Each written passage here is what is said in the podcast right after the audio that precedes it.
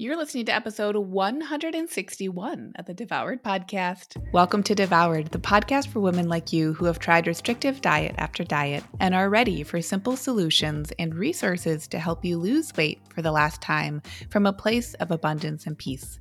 If you're looking to end the yo yo of comfort eating and rigid weight loss protocols and instead step into living your life on your terms while losing weight in the process, you're in the right place.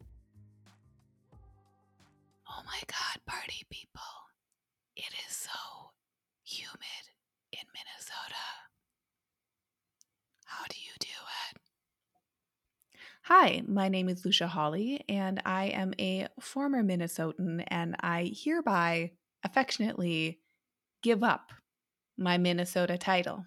I will keep the accent. I'll keep the conversation about the weather, but I will gladly, gladly give up the thick blood that gets us through the winter, and I will give up the desire to ever set foot outside in the summer when it is humid.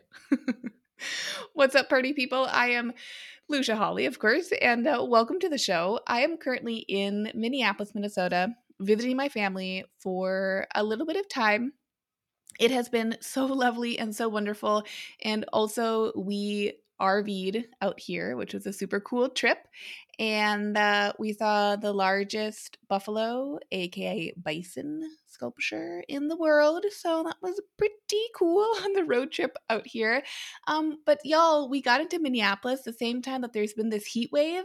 And let me tell you, the humidity and heat is such a different combination. It hits, does it slap? I don't know, factor cap what TikTok words, huh? But it is so funny being here with its humidity compared to Oregon, which is so lush for so many months of the year until you hit the summer. And in Oregon, things completely dry out. There's no humidity. And I suppose I am a creature of less humidity because I find that this glisten, this glow that we have here because of the humidity has got to be really good for our skin. But y'all, I'm sticky. I'm so tired of being sticky. Um, hi, this is a really, really exciting episode because I just want to like like sometimes I have these like little quickie episodes here and there, but this week, maybe this will be a quickie too. This week I just want to give it to you for real around metabolism. I've completely chatted about metabolism before and I just need to like tell you all that if you are stuck in the chronic dieting cycle, you are throttling your metabolism. You are shooting yourself in the foot. And I just need to be like straight up and honest about that because what is the point of beating around the bush anymore? Like for real. I'm t- maybe it's cuz I'm sticky. Maybe it's because I'm just hot and there's so much humidity everywhere. But what is the point? If you are feeling like you're having a hard time losing weight, I really need you to ask yourself the question Am I actually eating enough food? Am I eating enough food for my best version of my best life? If the answer is no, then you have your work cut out for you. Now, listen, at the same time that you can be asking, Am I eating enough food? We could also be eating too much food at night, which is often the case, too much food on the weekends, and too much of an imbalance of macronutrients we are not forgetting here on the podcast in Lean and Liberated, like in my programs when I'm with clients, we are not forgetting of the realities of our bodies. So, what is the reality of the like standard American diet? We're eating too many processed carbohydrates in combination with too many processed fats, and for the most part, really a, a huge inadequacy of protein. Like, listen to that again if you need to hear that again. Macronutrients matter calories matter but i hope if you're newer here oh, i hope you go back to some other episodes like this is a this is a banger of an episode to be starting with but also we can't forget those truths of nutrition and then also we can't forget the truths of the emotions around how we feel about macronutrients, around how we feel about calories, around how we feel about our bodies, ourselves, right? How we feel when we're sitting, when we're standing, when we're sleeping, when we're talking with people, when we're doing our work when we're thinking about the future, when we're thinking about the past, when we're trying to avoid the present moment. If you're throttling your metabolism, my question to you is how is that serving you? And now this is not like how is it serving you in terms like a sarcastic way. Truly, how is it serving you when you throttle your metabolism? And by throttle metabolism, what I mean is under eating to such a degree that your body is no longer responsive to less under eating, meaning you're eating chronically too few calories and you can no longer easily or readily reduce your calories even more because your body is already down regulated its metabolic output meaning it's getting so little food that it's saying, okay, I'm going to have fewer housekeeping activities. Okay, I'm going to give you big cravings for more food because I need it. Okay, I'm going to have you fidget less. Okay, I'm going to have you want to sit around more. A throttled metabolism can be understood by symptoms alone, by signs alone. And this is a missing piece in diet culture. It tells you, oh, just eat less until you get to that that weight that you want to get to. And we know that that doesn't work because yes, calories in, calories out count, but they count on the foundation of a stable hormonal platform. And if our hormones are out of whack because of emotional stress, spiritual stress, right? Like existential crises, guess what? Those affect your weight.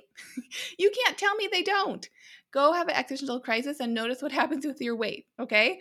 The things that we think, the emotions that we feel, influence our actions. And the more aware we become of our thoughts and our feelings and our beliefs and where we feel them in our bodies, where we store them, how they interplay with the actions we're taking in our lives, the more aware we're going to be of how we would like to shift things if we would so like to offer ourselves a shift. And so when I say and use the term, don't shoot yourself in the foot with a throttled metabolism, what I mean by that, and what I mean by saying, how does that actually serve you, is what if a throttled metabolism has been serving you because it's been keeping you from living your best life?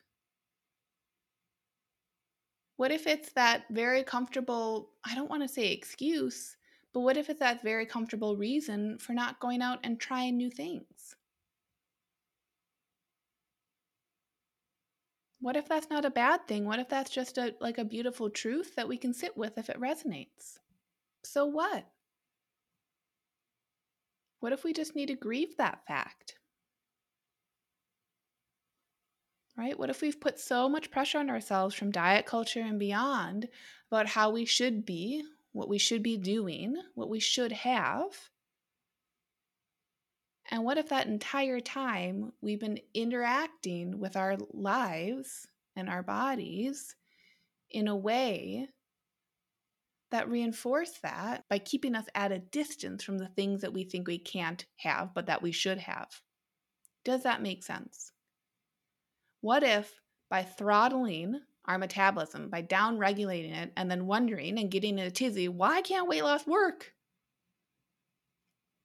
I barely eat anything. I can't eat any less. That's your answer. You can't eat any less. You're right.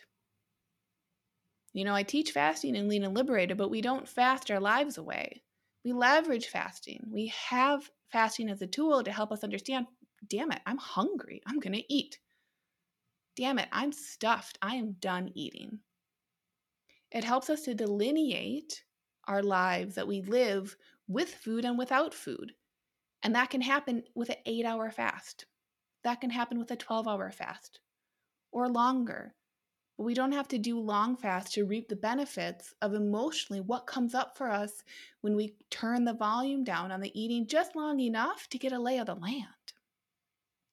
I'm feeling very passionate about this because, oh my gosh, oh my gosh, it is something that, like, I know quite a few of you have thyroid considerations, whether it's Hashimoto's or you've had a thyroidectomy or you have hypothyroidism, you have some form of something going on with your thyroid that often or more times than not it's presenting as like hypothyroid, like underactive thyroid. So if you feel like you have some of those signs that I just described a couple minutes ago of a throttled under down regulated metabolism, the fix is more food.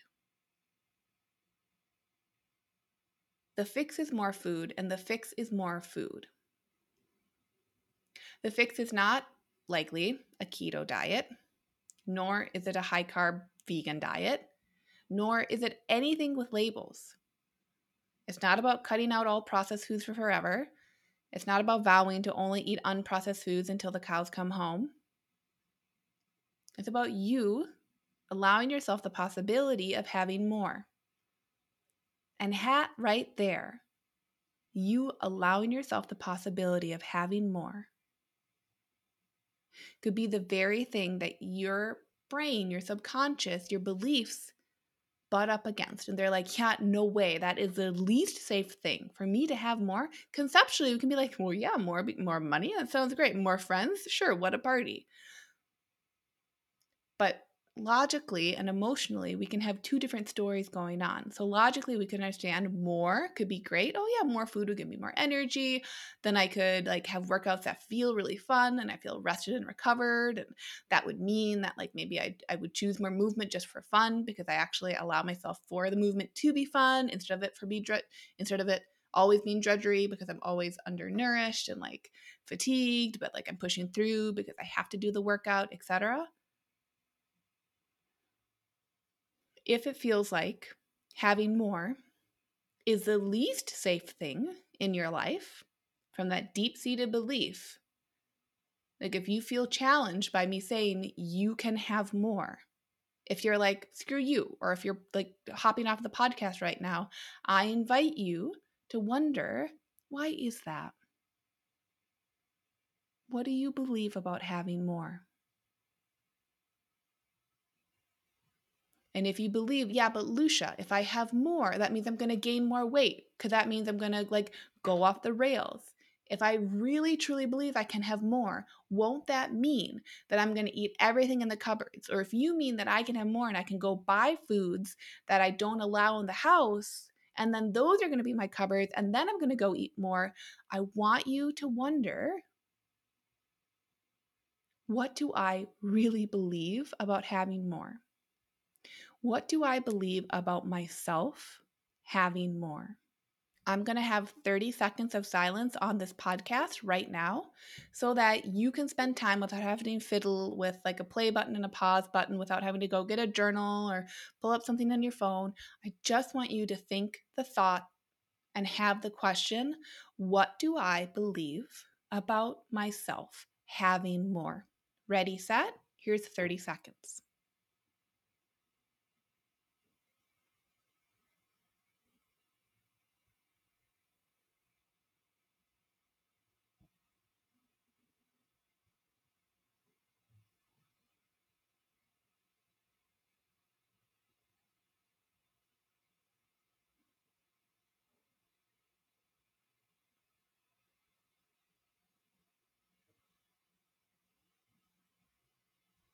Okay, that was 30 seconds.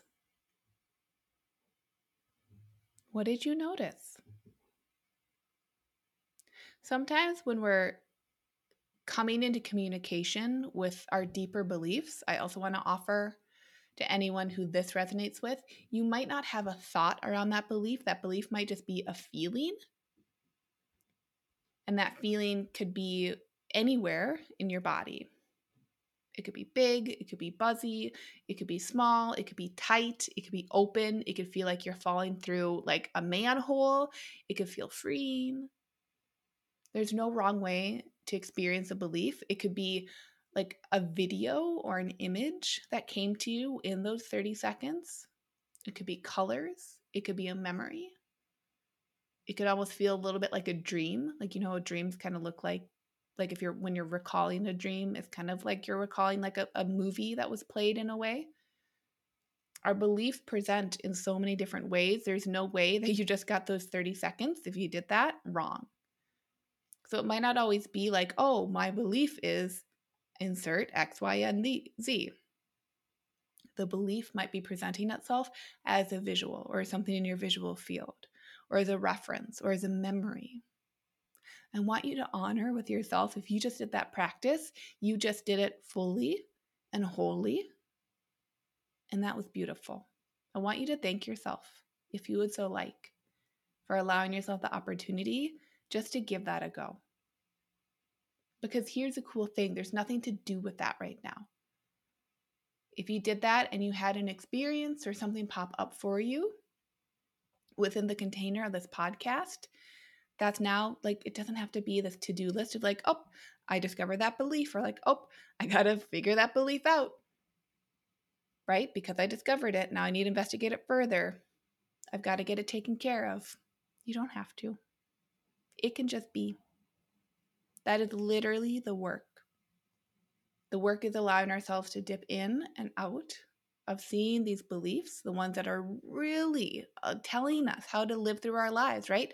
The belief is not a diet that looks good on paper that we do for a little bit and then we stop. That's not a belief. The beliefs are what make us do the diet for a little bit and then stop and then leave us scratching our heads wondering, well, why did I stop? It stopped because of a deeper belief. The thing that your body is saying, this will keep me safe. So if you feel a confrontation with saying, I can have more. I want more. I deserve more. I can be more. Allow that to be okay if there's a confrontation there. There is no rush in any of this work. There is no rush in coming to a potentially throttled metabolism. It comes back to what it is that you desire in your one beautiful life. If you desire to play with that throttle metabolism, awesome. That is so available to you.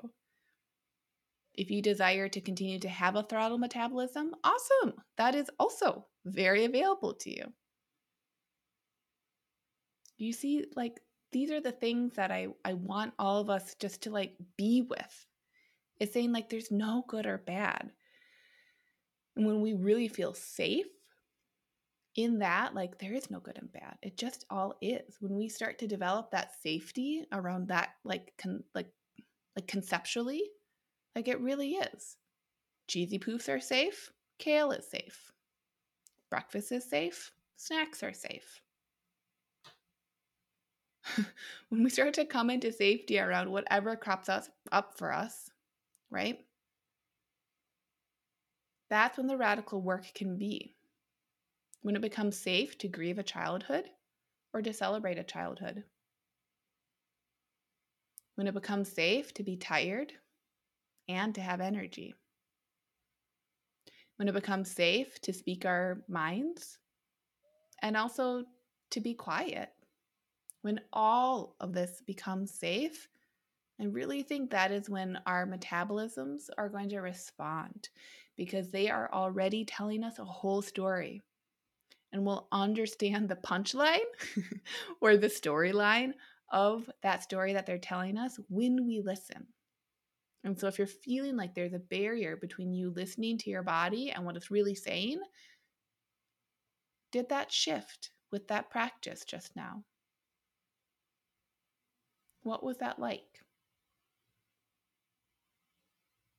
Take a screenshot of this episode as you're playing it and take me over on Instagram.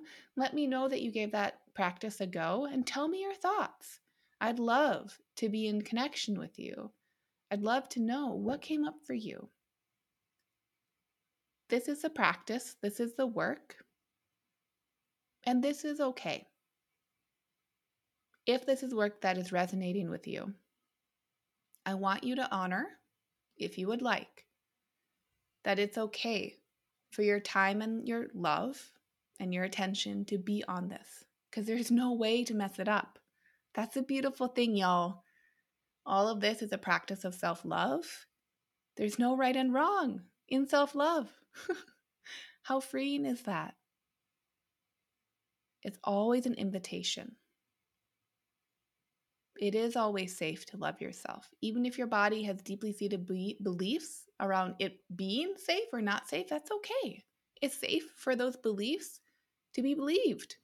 And if we would like to create shifts, we can start to investigate and bring curiosity, bring wonderment, bring awe into all of these conversations. So I hope this podcast has found you so well Thank you for listening, and I will catch you all on the next episode.